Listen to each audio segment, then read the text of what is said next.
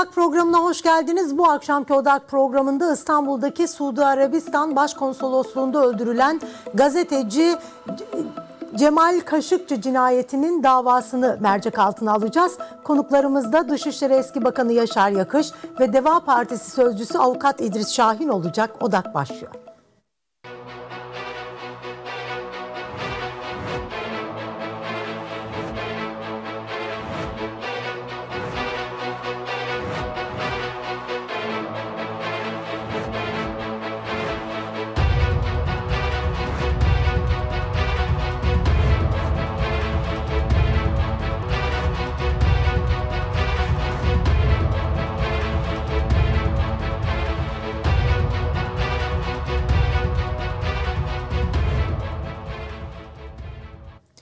Gazeteci Cemal Kaşıkçı cinayetinin davasının Dışişleri Eski Bakanı Yaşar Yakış ve Deva Partisi Sözcüsü Avukat İdris Şahin değerlendirecek dedik. İki konuğumuz da karşımızda. Hoş geldiniz yayınımıza. Hoş bulduk. İyi yayınlar diliyoruz. Değerli bakanımıza da buradan saygılarımızı iletiyoruz. Ben mukabele en iyi dileklerimi sunuyorum.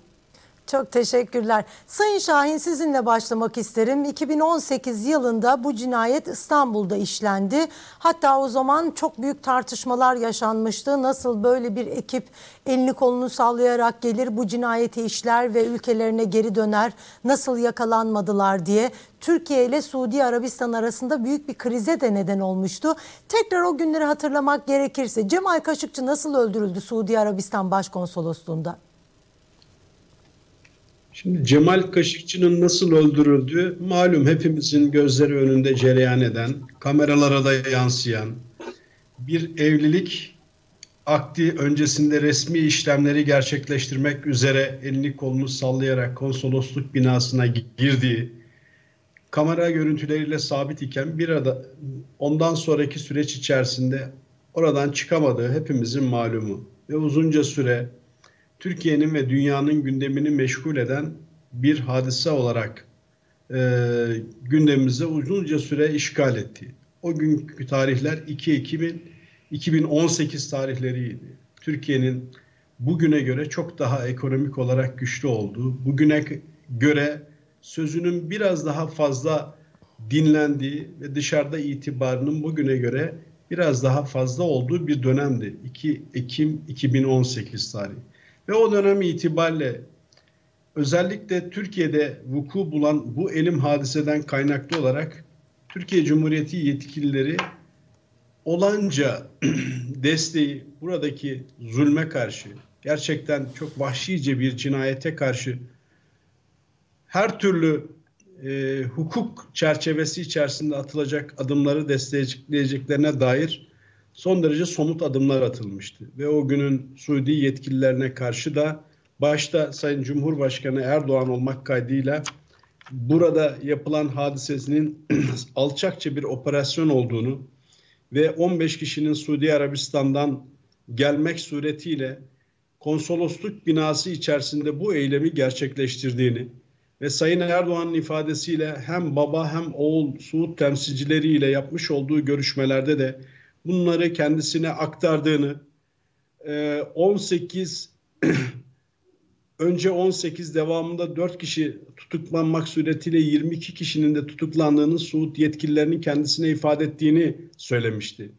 Ve bu davada özellikle Türkiye'nin münhasır yetkisini yani e, yargı yetkisinin tamamen Türk milleti adına kullanmakla yükümlü olduğumuzu ifade etmişti. Doğrudur gerçekten Türk Ceza Kanunu'nun 8. maddesinde açık bir şekilde Türkiye'de işlenen suçlar bakımından Türk kanunları uygulanır hükmünü net bir şekilde ifade etmektedir. Yine Türk Ceza Kanunu'nun 9. maddesine göre Türkiye'de işlendiği suçtan dolayı yabancı ülke hakkında hüküm verilmiş olan kimse dahi Türkiye'de yeniden yargılanır hükmünü de amirdir. Dolayısıyla burada vuku bulan vahşice işlenen bir cinayetin soruşturmasının da kovuşturmasının da Türkiye'de yapılması kadar normal ve doğal hiçbir şey olamaz.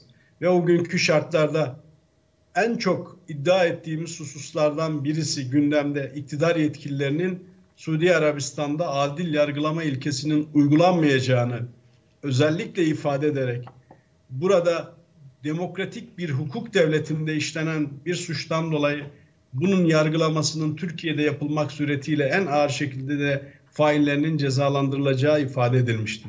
Ama aradan geçen 4 sene içerisinde Türkiye'de köprünün altından çok sular aktı Sayın Özer. Ve o sularla birlikte Türkiye ekonomik olarak gerçekten bir dar boğaza girdi. Ve bugün Körfez'in şımarık çocuklarının e, yapacağı bir kısım swap anlaşmalarına ve oradan gelebilecek bir kısım kaynaklara naçar hale düşmüş bir hükümetten ve Türkiye'den bahsediyoruz bugün. İşte üzülünecek hadise bunlardır. Bugün itibariyle de tamamen ihtiyari olarak, bakın zorunlu olarak dosyayı durdurma ve iade gibi bir husus söz konusu değildir. Tamamen ihtiyari olarak Adalet Bakanlığı'nda görüş alınmak suretiyle İstanbul 11. Ağır Ceza Mahkemesi görülmekte olan uyuşturma aşamasına geçilmiş olan davada her 20 26 sanık hakkında da durdurma kararı vererek dosyanın Suudi yetkililerine iadesi noktasında bir karar vermiştir. Evet. Bu ülkenin 4 yılda geldiği noktayı göstermesi açısından son derece kaygı verici ve üzüntü verici bir gelişmedir. Bunu özellikle ifade etmekte fayda var. Burada siz de değindiniz aslında 14 Aralık 2018'de Cumhurbaşkanı Recep Tayyip Erdoğan'ın bir Kudüs konferansındaki bir konuşmasıydı o sizin sözünü ettiğiniz ifadeleri. Eğer Sayın Yakış da izin verirse önce o ifadeleri dinleyelim. Üç buçuk yıl önce Cumhurbaşkanı Recep Tayyip Erdoğan Cemal Kaşıkçı cinayetiyle ilgili neler söylemiş ve bugün neler yapılmış hep beraber bakalım Cumhurbaşkanı Erdoğan ne söylemiş. İstanbul'umuzda Suudi Arabistan Başkonsolosluğunda bir Cemal Kaşıkçı olayı yaşadık. Cemal Kaşıkçı başkonsoloslukta ne yazık ki alçakça bir operasyonla evet şehit edildi. Dışarıda nişanlısı bekliyor. Nikah muamelesini yapmak için içeri giriyor. Tabii bizi Suudi Arabistan'dan aradılar. Ve biz gerek babaya gerek oğluna her şeyleri anlattık. Ve özel temsilcilerimizi gönderebilir miyiz dediler. Buyurun gönderin dedik. Özel temsilcileri geldi. Bizzat kabul ettim. Ve kendilerine anlattık. İstihbarat şeflerine elimizdeki bütün belgeleri dinlettik gösterdik. Fakat bütün bunlara rağmen krala ben şunu sordum. Bu 15 kişi İstanbul'a niye gönderildi? Bu 15 kişinin İstanbul'da ne işi var? Bunlar İstanbul'a geldiyse konsoloslukta bunlar ne iş yaptılar? Bu katili siz biliyorsunuz. Bak ben size adres vereyim. Bu katil bu 15 kişinin içinde dedim. Eğer isterseniz bu katili siz çıkartırsınız. Ve ilan edersiniz. Bana kralın verdiği cevap şu oldu. Şu anda 18 kişiyi tutukladık. Daha sonra sayı 22'ye çıktı. Tamam da tutuklamak çıkış yolu değil. Cezası bunların ne oldu? Yargılayamıyorsanız suçun işlediği yer, işlendiği yer İstanbul olduğu için bunu İstanbul mahkemelerinin uluslararası hukuka göre yargılaması gerekir. Gönderin biz yargılayalım. Daha geçen günü Dışişleri Bakanları açıklama yaptı biz vatandaşımızı Türkiye'ye göndermeyiz dedi. İstediğiniz zaman istediğiniz yerden vatandaşları çekip ülkenize alıyorsunuz. Suçlu suçsuz demeden alıyorsunuz. Ve aynı zat şu ifadeyi de kullandı. Dedi ki yerli işbirlikçilerle bu iş yapıldı. konuşmamda söyledim ve sordum. Kimdir o yerli işbirlikçiler? Bunu açıklamaya mecbursun. Çünkü iddia sahibi sizsiniz. O zaman bu ismi açıklamanız lazım. Açıklayamadılar. Ve sonra inkar ettiler. Veliaht Prens dedi ki Cemal Kaşıkçı başkonsolosluktan çıktı. Ya Cemal Kaşıkçı çocuk mu? Oradan çıktıysa dışarıda nişanlısı var. Nişanlısını alıp onunla beraber oradan ayrılmaz mıydı? Bunlar dünyayı enayi zannediyor. İnsanları enayi zannediyor. Bu millet enayi değil hesabı sormasını bilir.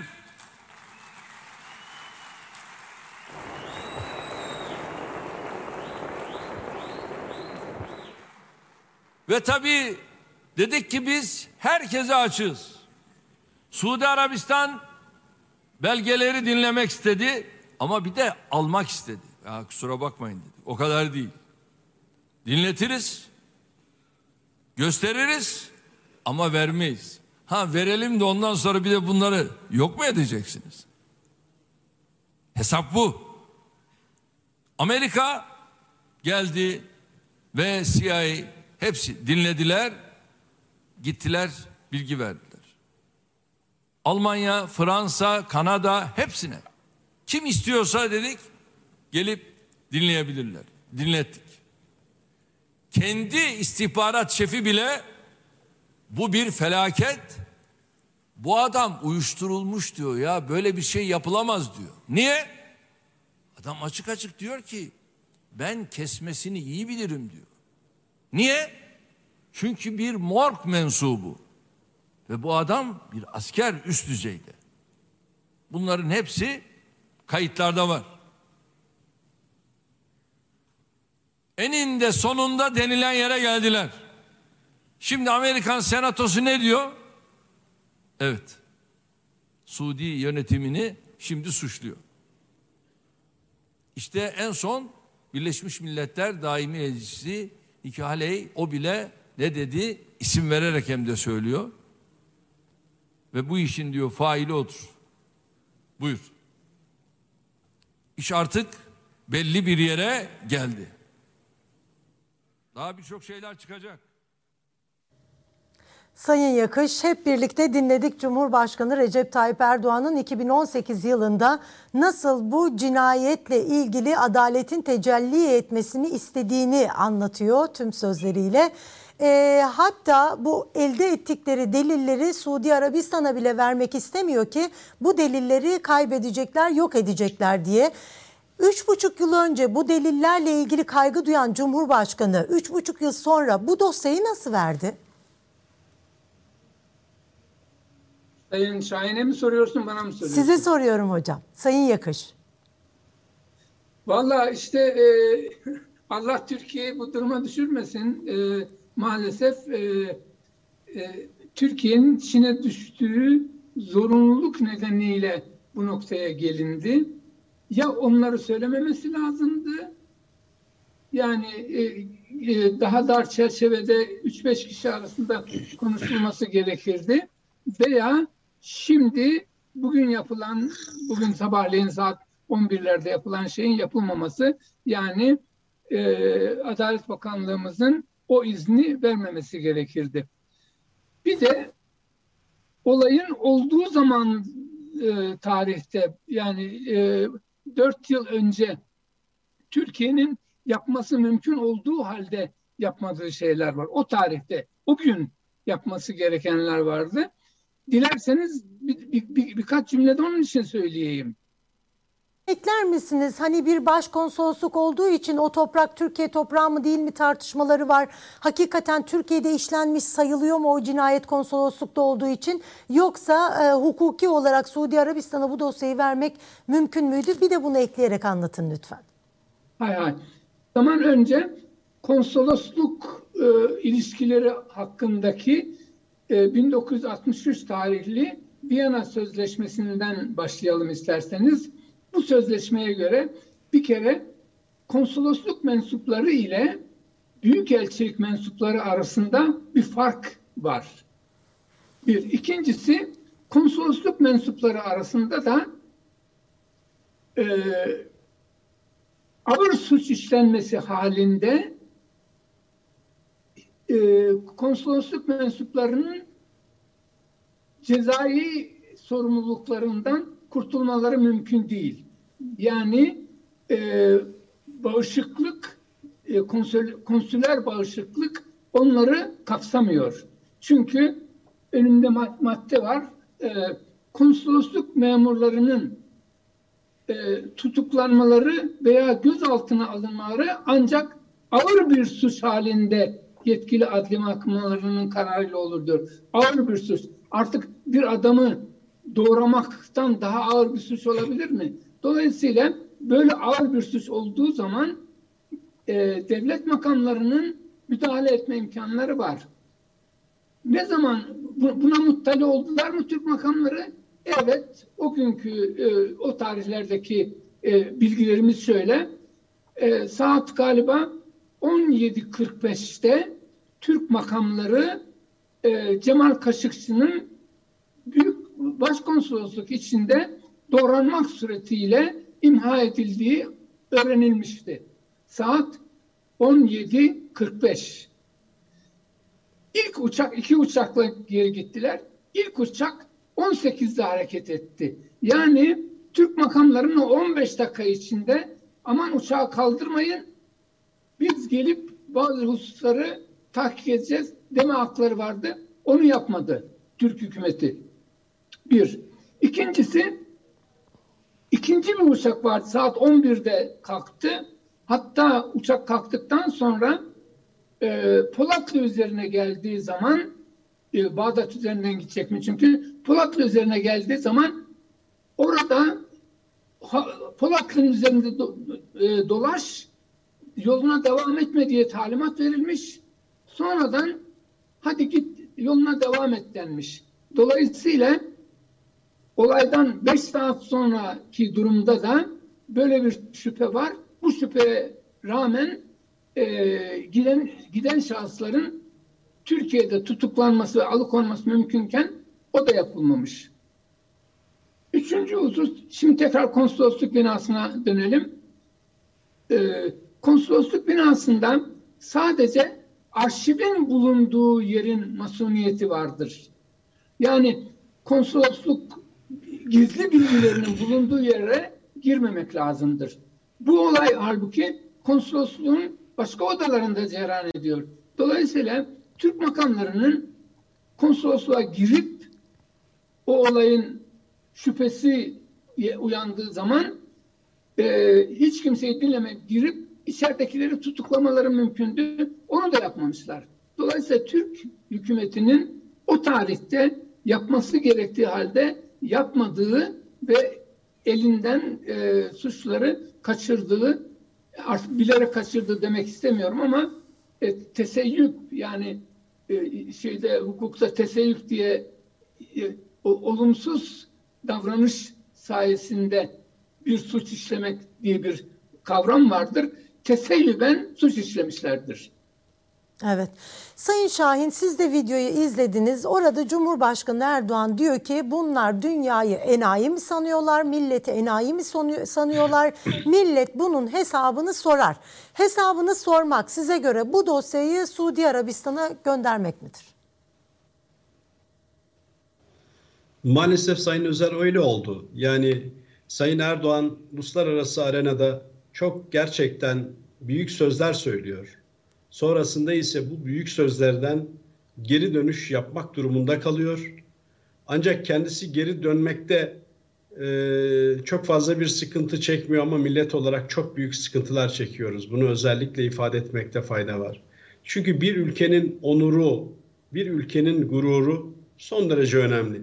Biraz önce değerli bakanımızın ifade ettiği gibi olayın vuku bulduğu anda ve sonrasında Türkiye Cumhuriyeti Devleti'nin yapması gereken bir kısım edimleri yerine getirmemiş olmasından kaynaklı olarak bugün yargılanmasını talep ettiği bu sanıkların tamamıyla alakalı hiçbir şekilde kovuşturma ve soruşturma yapabilme imkanını bulamadı. Çünkü hepsi ülkeyi terk edip kaçıp gittiler.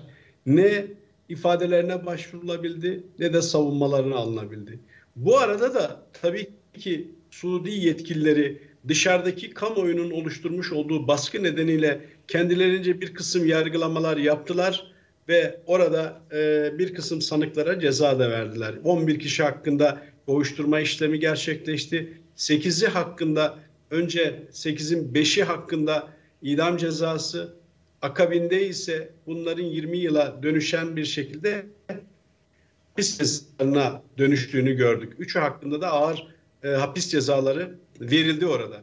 Ancak şu anda iade edilen isimler de orada mahkum edilen isimlerin birbiriyle örtüşmediğine dair kamuoyuna yansıyan çok son derece somut bu deliller ortadayken e, bu hadiselerle alakalı Sayın Erdoğan'ın üç buçuk yıl önce yapmış olduğu konuşmadan o kadar güzel aslında özetledi. O konuşma Türkiye'nin nasıl çaresiz bir noktaya düştüğünün en güzel ispatı.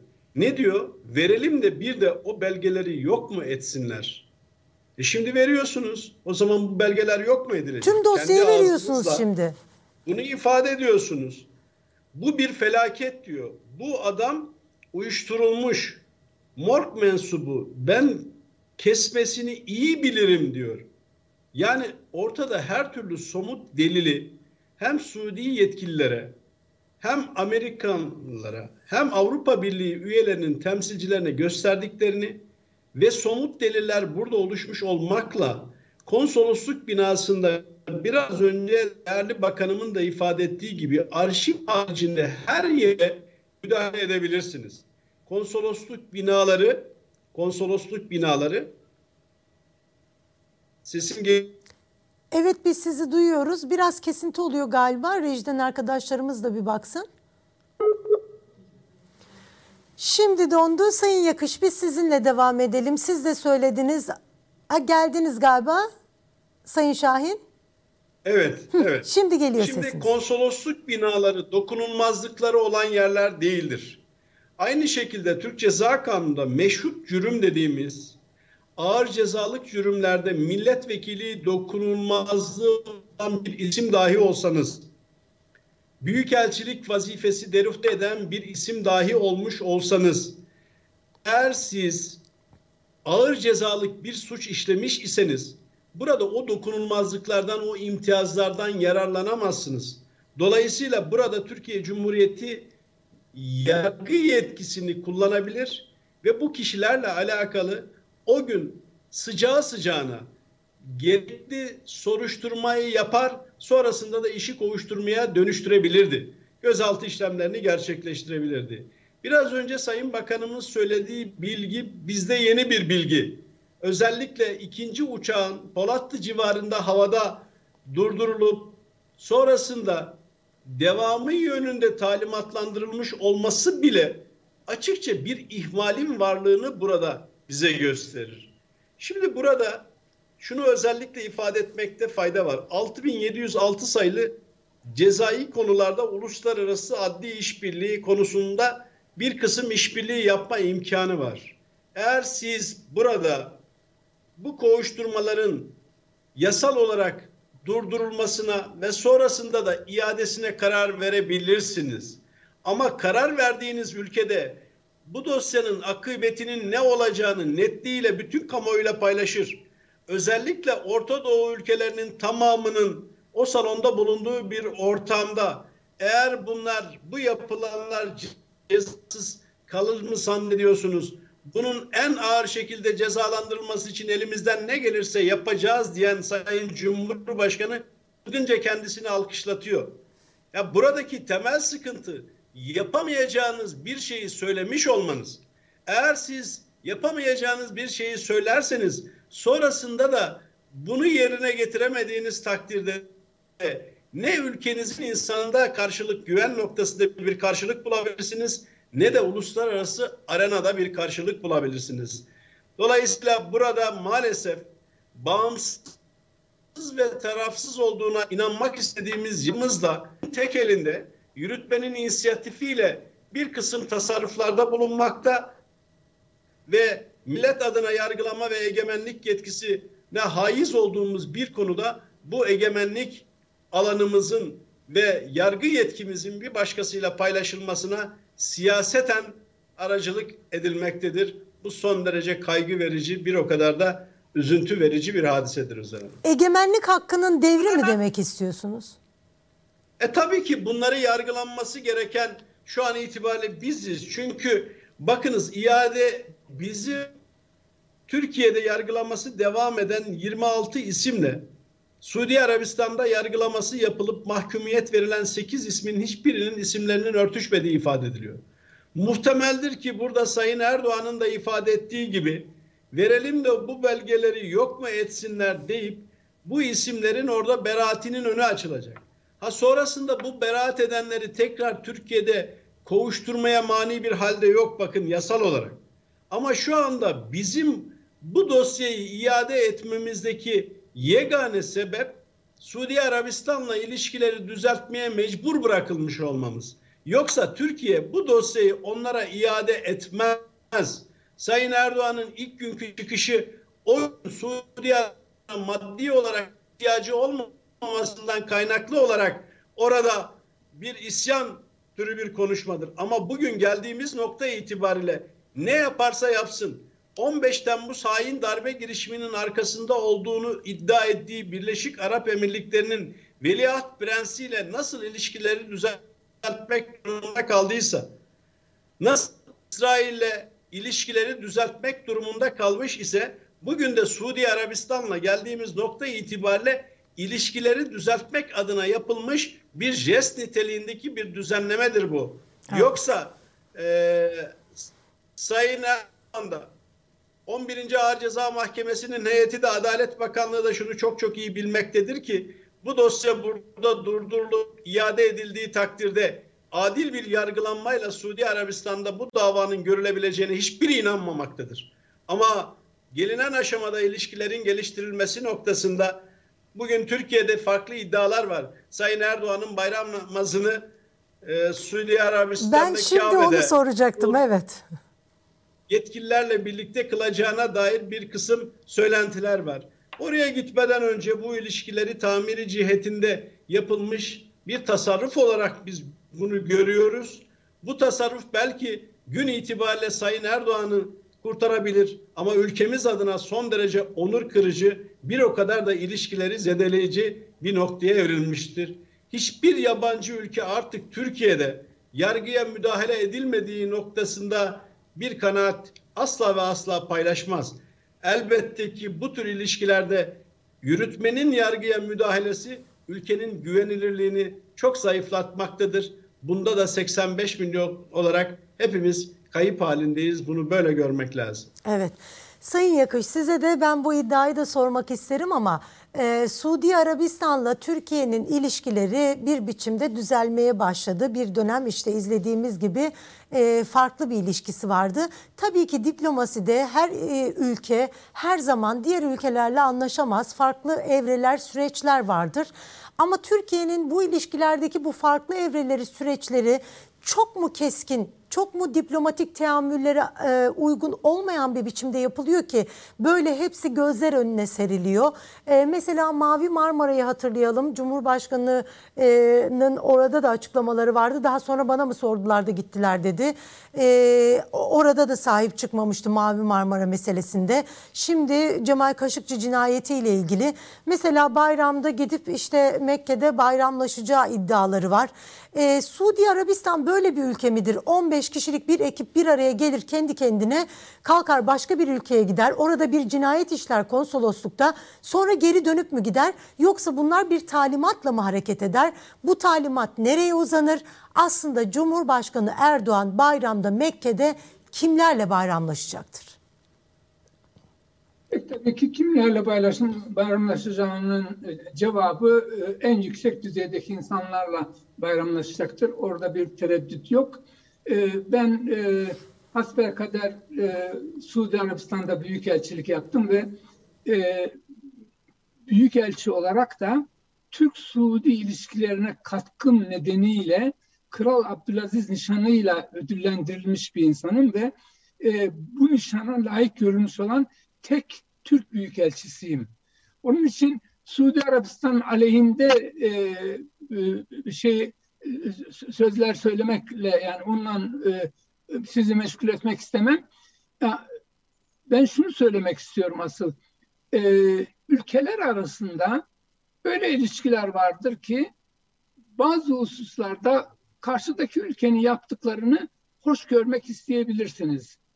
Yani bir örnek vereceğim. Bugün mesela bu üçüncü e, deniz mayını e, Karas, şey, Karasu açıklarında e, görüldü Türkiye'de.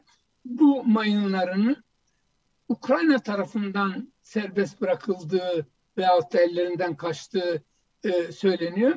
Aslında 1907 tarihli e, Deniz Mayınları Sözleşmesi'ne göre e, Ukrayna'nın yaptığı bir suçtur. Onu yani Türkiye'yi böyle bir mayın tehlikesiyle karşı karşıya bırakmaması gerekirdi. Ama bugünkü koşullarda Ukrayna'ya karşı bir uluslararası e, mahkeme süreci başlatmak gibi bir şeyimiz yok, girişimimiz yok. Çünkü ilişkiler öyle gerektiriyor. Suudi Arabistan'la ilişkiler de böyle olabilirdi. Yanlış olan Sayın e, Cumhurbaşkanımızın en başında biraz önce sizin dinlettiğiniz şeyleri e, söylemiş olmasıdır. Keşke onları söylemeyip o zaman sussaydı ve bugün de yaptığını nasıl şimdi e, Ukrayna'ya karşı yumuşak davranıyorsak Suudi Arabistan'a karşı da şu anda işte bayrama e, bayramda gittiği zaman e, görüşeceği şekilde yine oradaki insanlarla e, samimi bir şekilde görüşebilirdi. Ülkeler arasındaki ilişkilerde e, sürekli dostluk ve sürekli düşmanlık diye bir şey yoktur. Ülkeler çıkarları gerekirse bir türlü gerekmezse öbür türlü hareket edebilirler. Burada e, eksik olan Sayın Cumhurbaşkanı'nın en başında bunları söylememesi gerekirdi. En başında biraz önce sizin dinlettiğiniz şeyleri söylememesi gerekirdi. Onu kendisine muhafaza edip günü gelince masanın üzerine koyup yine kapalı kapılar arasında bu hususu dile getirmesi gerekirdi. Bir, bir husus daha söylediniz galiba. İkinci bir soru vardı sizin şey yaptığınız. E, e, Ezo Hanım. Biraz Mavi Marmara'yı da andırıyor. Türkiye'nin dedim dış politikada bu kadar keskin konuşup sonra dönmesi diplomatik teamüllere uygun mu? Siz aslında Suudi Arabistan'la ilgili söylediniz onu ama andırıyor mu size göre de Mavi Marmara'yı? Andırıyor. Yani Mavi Marmara için en başından beri bu olay olduğu zamanlardan beri sıkça söylediğim bir şey vardır. Ben o sırada Mavi Marmara'nın yola çıkacağı tarihte kabine üyesi olsaydım, bakan olsaydım e, önce o geminin yola çıkmamasını söylerdim. E, ikincisi eğer mutlaka e, Gazze'deki Filistinlilere hakikaten yardım göndermek istiyorsak bunu Hayfa limanına gönderip İsrail makamlarıyla işbirliği yaparak un, şeker, ilaç falan gönderiyoruz değil mi Ennayet? Onu İsrail makamlarının da hazır bulunacağı bir yerde kontrolünü yapıp Filistinlilere öyle ulaştırmak gerekirdi. O da olmazsa e, şey e, Mısır üzerinden El Refah kapısından e, El, El Ariş diye bir şehir var. El Ariş limanına gönderilebilirdi. El Ariş'ten de Refah e, kapısına İsrail şeyin Gazze'nin oradan kamyonlarla götürülebilirdi. Bunlar yapılması mümkünken hayır ille biz oraya gideceğiz, oradaki çatışacağız ve işte 11 evet. kişi galiba vatandaşımızın ölmesine sebebiyet vereceğiz. Yapılan şey yanlıştır. En başından beri doğru yapılması için e, alınabilecek bir sürü önlemler vardı. O önlemde o tarihte alınmadı. Burada da e, yani Kaşıkçı olayında da demin söylediğim gibi bir konsolosluğa her zaman girilebilirdi. İki, e, 15.45'te uçağın kalkması önlenebilirdi. Asıl e, cinayet işleyen adamların olduğu uçak. e, saat 11'de 5 saat sonraki e, olayda da e, Polatlı üzerinde uçak havada e, dönmesi için talimat verilmişti. Hadi bırakın gidin denmemesi lazım. Yani çok sayıda hata var bu işte. Evet. İyi yönetilmeme, yönetilmemekten kaynaklanan hata var bence. Evet. Sayın Şahin siz biraz önce dediniz ki uluslararası arenada hiçbir ülke Türkiye'de adil bir yargılama olduğunu düşünmeyecek. Peki ulusal düzeyde bu nasıl düşünülebilir? Hakikaten Türkiye'nin e, adli e, karnesi, yargıdaki durum, hukuktaki durum nasıl değerlendirilebilir size göre? Talimatlı yargı diyen var, rehine diplomasisi diyen var, e, cezaevlerindeki durumlar bu kadar malum. Yeni bir e, Adalet Bakanı var diyor ki cezaevlerinde her şey çok iyi, hiçbir ihlal yok. Neler söylemek istersiniz? Ulusal düzeyde bu davanın da özelinde insanlar artık yine demeyecekler mi? Bundan önce de söylüyorlardı ama e, bu yargı hakikaten hukuka uygun değil talimatla hareket ediyor diye. Şimdi yargı bağımsızlığı ve tarafsızlığı noktasında Türkiye gerçekten çok kötü bir sınav veriyor. Geçmişten bu yana yargıda her dönem belirli problemler yaşandı. Tam manasıyla arzu ettiğimiz hukukun üstünlüğünü tesis edebilecek tarafsız ve bağımsız bir yargı hep ideal olarak bizlerin hafızalarında yer etti. Ama hiçbir zaman istediğimiz oranda yargı tarafsız ve bağımsız olarak Türkiye'de icraî bir faaliyet gösteremedi. Özellikle son dönemde yargıya olan müdahaleler 2015'ten sonraki süreç içerisinde artarak devam ediyor. Ve bugün geldiğimiz nokta itibariyle bu sistemden kaynaklı olarak, Cumhurbaşkanlığı hükümet sisteminden kaynaklı olarak gerek Hakimler Savcılar Kurulu'nun, gerek Anayasa Mahkemesi'nin, gerekse de Davutlar kısım atamalarında Cumhurbaşkanı'nın doğrudan tasarrufta bulunabilme yetkisinin genişletilmiş olması ve Sayın Cumhurbaşkanı'nın hem yasama üzerinde hem de yargı üzerinde aynen yürütmede olduğu gibi çok ağır inisiyatif kullanma arzusu şu an itibariyle iç hukukumuzda da yargıya olan güveni tamamen ortadan kaldırmıştır. Şu an itibariyle yargı mensubu olarak görev yapanlar içerisinde bir anket yaptırsanız dahi onlar bile adliyede kendilerinin tam manasıyla tarafsız ve bağımsız bir yargı sürecinden geçerek adil yargılanabileceğine dair inançta çok düşük oranlarda destek vermektedirler. Bu bize içeride bu hadisenin nasıl algılandığını soracak olursanız içeride tam bir hayal kırıklığıdır. Çünkü e, yıllardır 3-5 seneyi aşkın süredir özellikle içeride bazı yapıları konsolide etmek adına siyasal iktidar hep dışarıda bir öcü göstermek, dışarıyla ilişkilerde daha yerli ve milli politikalara döndüğünü ifade etmekle kendi seçmen kitlesini konsolide etmeye çalışmaktadır. Oldukça farklı bir şekilde maalesef hiç arzu etmediğimiz bir şekilde ötekileştiren, ayrıştıran bir dil ve üslup kullanmak suretiyle toplumu kamplara bölen, taraflar arasında birbirine olan güven duygusunu zedeleyen bir yaklaşım sergilemekte şu an itibariyle iktidar mensupları. Burada verilen karar ise tam manasıyla bir ülkemiz adına bir dramdır. Gerçek anlamda söylüyorum. Ülkenin en önemli yetki alanlarından birisi egemenlik alanının kısıtlanmamasıdır. Yani bugün biraz da milliyetçi söylemleri artık fazlasıyla söyleyen AK Parti iktidarı şöyle bir gitsin Oğuz Kağan'ın bir destanını okusun. Metahan'ın yazıtlarını okusun ve bugün geldiğimiz nokta itibariyle Türkiye'de rahatlıkla yargılayabileceği baktığınız zaman hem Türk Ceza Kanunu'nda hem uluslararası hukuka göre burada Türkiye'de yargılanması gereken bir isim burada 26'ya yakın ismi siz sadece ekonomik kaygılar ve ilişkileri düzeltmek adına yargı yetki ve egemenlik hakkınızı kısıtlayarak Suudi Arabistan'a devrediyorsunuz. Bu elbette ki Türkiye'de yargıya bakış açısı açısından tam bir travma teşkil etmektedir. Bu sadece bakın mahkemenin bir kararı değildir.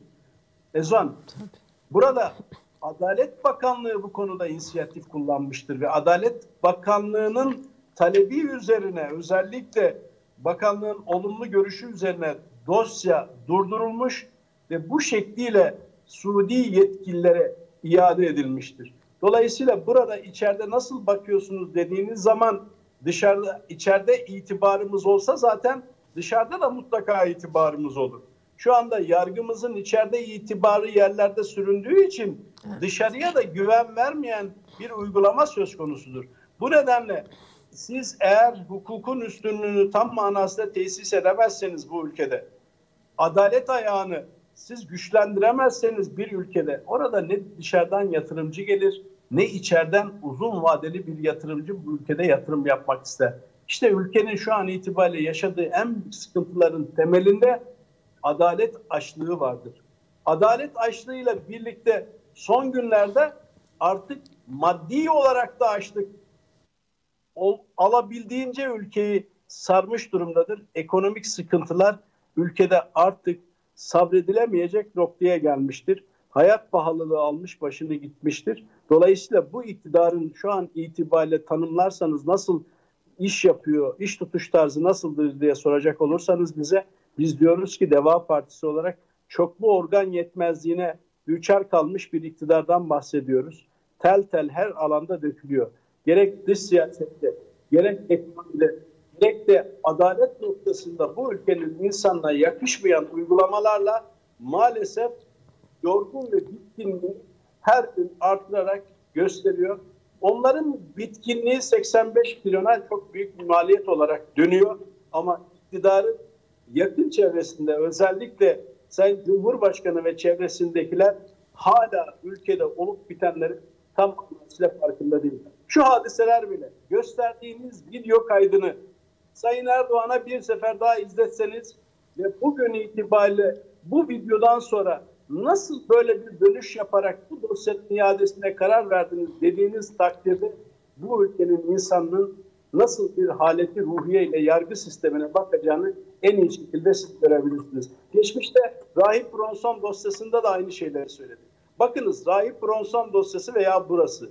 Uluslararası mevzuatta bunların iadesine noktasında bir sıkıntı yok.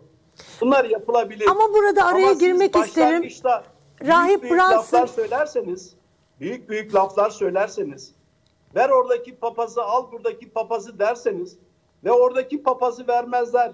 Siz buradaki papazı Türk yargı sistemine müdahale ederek Amerika'nın talimatları doğrultusunda iade ederseniz o zaman sizin saygınlığınız kalmaz.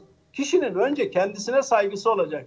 Ezo Hanım, biz iç hukukumuzda öyle bir sistem inşa etmeliyiz ki bizim insanlarımız Ankara'da hakimler var diyebilmeli ve o yargıdan çıkacak karar ne olursa olsun ona saygı gösterebilmeli. Gerek Bronson davasında gerekse şu an itibariyle Kaşıkçı, Cemal Kaşıkçı dosyasında iktidarın söylemleriyle eylemleri birbiriyle hiç örtüşmüyor.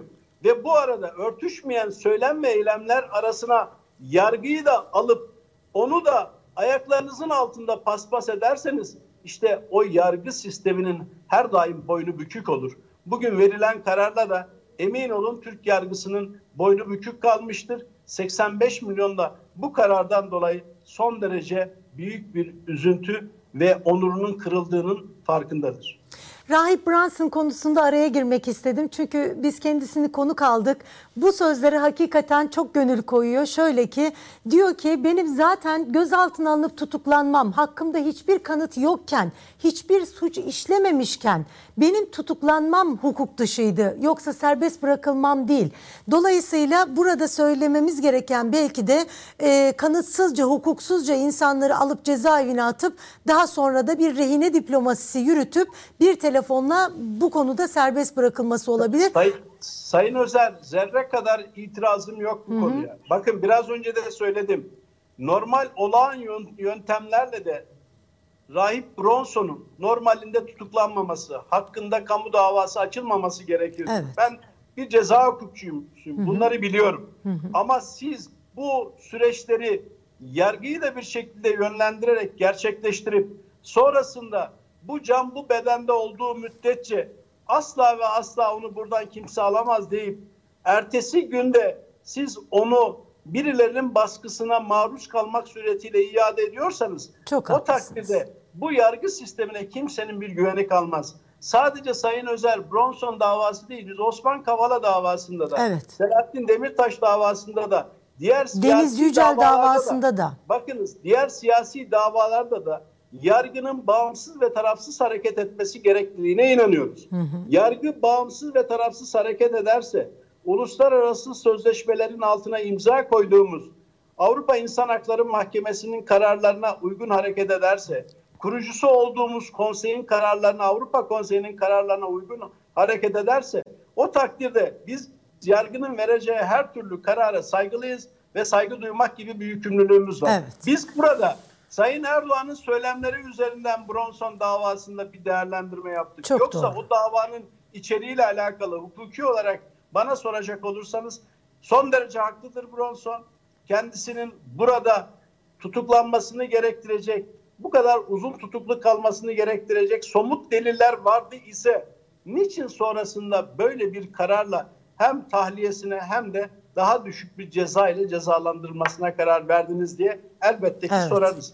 Dolayısıyla buradaki bizim değerlendirmemiz siyasilerin yargıya çok fazla müdahale etmemesi gerekliliği. Evet. İkincisi ise ülkeyi yönetenlerin 40 düşünüp bir konuşması lazım. Çok doğru. Bin biliyorsa bir bilene danışması lazım. Sayın Yakış çok önemli bir hariciyecimiz ve bizim Dışişleri Bakanlığımızı yapmış bir büyüğümüz. Defalarca bu kürsülerden şu an itibariyle iktidar mensuplarını uyarıyor ve Evet. diyor ki bir diplomat olarak, bir geçmiş Dışişleri Bakanı olarak size tavsiyem uluslararası ilişkilerde lütfen iki kişiyle konuşulması gerekeni 2 milyonla paylaşmayın. Bugün ekranı gördüğünüz zaman, mikrofonu gördüğünüz zaman ağzınıza gelen her şeyi söylerseniz işte Rusya krizinde, işte bu tür davalarda Suudlarla, Birleşik Arap Emirlikleriyle tükürdüğünüzü yaladığınız takdirde Anadolu'da bir tabir vardı tükürdüğünüzü yalatmak diye. Şu an Evet. itibariyle iktidar mensupları uluslararası ilişkilerde söylediği sözlerin hepsini geri almak durumunda kalıyorlar. Evet. Şimdi onlar bir U dönüşü yapabilir. Fakat arkasındaki işte bu pelikanlar, kuş sürüleri falan çok çabuk dönüş yapamıyor. Oralarda da iş kazaları oluyor. Görüyorsunuz bu kadar hızlı çark ederseniz o zaman sizin inandırıcılığınız ve güvenilirliğiniz kalmaz.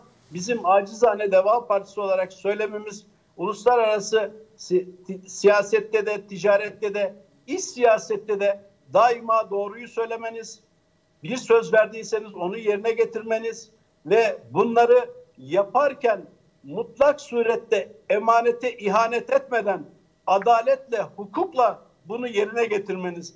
Bunları yapabilmek için de ehliyetli, liyakatli kadrolarla bu işleri e, yürütmeniz. Bizim iktidara buradan tavsiyemiz bu. Şu andan itibaren yaptıkları ve kırdıkları yeterince bu milletin onurunu örseledi. Bundan sonraki süreçte daha akılcı, daha rasyonel, akla ve bilme uygun hareket etmelerini buradan tavsiye ediyoruz. Evet. Sayın Yakış size de Evet, sormak evet. istiyorum. Ha, Ee, ben de şey Sayın Şahin'in e, söylediğini biraz daha güçlendirmek için başka bir şey daha ilave etmek istiyordum. O da hatırlarsanız Cemal Kaşıkçı bu e, işlemleri, evlenme işlemlerini Londra'daki e, Türk konsolosluğu nezdinde yapmayı düşünmüş. Fakat Suudi makamları onları onu İstanbul'a yönlendirmişler. Bu neyi gösteriyor? Ee, Londra'daki Türk Başkonsolosluğu'nda bunun yapılamayacağını, oradaki İngiliz makamlarının buna izin vermeyeceğini e, Suudlar biliyor. Onun için İstanbul'a git. İstanbul'da nasıl olsa biz oraya bir, bir grup adam göndeririz. Orada adamı doğrarlar. Ondan sonra asetin içinde de kaybederler. İzi kalmaz diye düşünmüşlerdir. Bu da Türkiye açısından veya Suud makamlarının Türkiye'ye bakışları açısından çok önemli bir farktır. Bunu da e, bir yere not etmek Çok lazım. doğru. Yani Lo- Londra Başkonsolosluğu'nda evlenme işlemlerinin yapılmasıyla Türkiye'de yapılması arasında hiçbir fark yoktur. Ee, orada da yapılabilirdi, burada yapılabilirdi ama orada yapılmadı. Bu bir, bir işarettir. Türkiye'ye ancak bu işi Türkiye'de yaparsak yaparız. Türklere işte bu işi yuttururuz veya üzerine baskı kurarız diye bir teori geliştirmiş oldukları anlaşılıyor ve bu teorilerinin de sonunda doğru çıktı ortaya çıktı. Evet. E, son olarak sormak isterim Sayın Yakış size. Çok da az vaktimiz kaldı ama bu normalleşme sürecinde Türkiye dış politikada bir ivme de kazandı. Özellikle Rusya'nın Ukrayna'ya saldırılarının ardından e, o trafik de arttı. Ama ABD heyeti geldi Türkiye'ye ve uyarıda bulunmuş. Demiş ki e, bu Rusyalı oligarkların buraya yatırım yapmasını engellemeniz lazım. Çünkü böyle haberler çıkmıştı. Acaba bu yaptırımların delinmesiyle ilgili önümüzdeki süreçte Türkiye'yi zor günler bekleyebilir mi? Çok kısa bunun yanıtını da alayım. Yani Türkiye'nin üzerinde bir baskı olacaktır ama e, dünyadaki yaptırımlara baktığınız zaman bazı ülkelerin işlerine geldiği zaman bu yaptırımları uygulayıp öteki bazı konularda e, bu yaptırımlara uymadıklarını görüyoruz. Yani çok sayıda örneği var bunun. Dolayısıyla Türkiye yine kendi ulusal çıkarlarının istikametinde hareket etmeli ama yalpa yapmaması lazımdır. Önemli olan husus odur. Yani bugün bunu yapacağım deyip de yarın tersini yaparsanız veyahut da bugün yapmayacağım dediğiniz halde e, onun tersini yaparsanız yanlış olan odur. Çok doğru.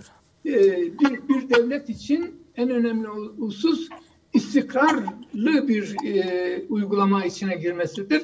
Türkiye o istikrarı yakalayamamış durumda. Evet ve ulusal çıkarlar dediniz ona vurgu yaptınız. Kişisel çıkarlar değil ulusal çıkarlarla uluslararası diplomasiyi de yürütmek gerekebilir. Her zaman yani e, hükümranlık dediğimiz husus zaten devletler hukukunda bir ülkenin dilediği gibi hareket etmesidir. Kendi kendi verdiği karara göre hareket etmesidir. Bu e, devletlerin tanıdığı yani devlet uluslararası hukukun gelişmesi süreci içinde e, 1648 e, e, sözleşmesine göre e, o, o tarihten beri ülkelerin egemen eşitliği kuralı gelişmiştir ve e, 1648'deki e, Westfalia Anlaşması'nda bu ülkelerin hükümranlıkları daha doğrusu hükümran eşitlikleri o kadar önemli bir husus olarak ortaya çıkmıştır ki e, Avrupa'da çok sayıda büyük devlet de vardı, küçük devlet de vardı. Altı ülke e, toplantıya katılıyordu. Altı ülkeden hiçbirinin ötekinden daha geri olmadığını belli etmek için o to- toplantı salonuna en geç hangi ülke girecekse o en büyük ülke sayılacaktı. Öyle bir karar verilmişti. Bunun üzerine küçük ülkeler itiraz ettiler. Ne yapıldı biliyor musunuz? 1647'de bitmişti e, şey e, müzakereler. 11 ay bu sorunun nasıl çözümleneceği tartışıldı. Bunun üzerine 6 tane kapısı olan bir salon yapıldı. Herkes aynı anda girdi egemen eşitliğin anlamını görebiliyor musunuz? Yani evet. E, e, egemen eşitlik bambaşka bir şey. Evet. Biz 2022'de artık bunu tartışmamalıyız diyorsunuz doğal olarak. Sayın Yaşar Yakış, Sayın İdris Şahin çok teşekkürler yayınımıza katıldığınız için. Biz teşekkür, teşekkür ediyoruz. Sayın Şahin sunuyorum. Bir mukavele değerli bakanım saygılı bizden efendim.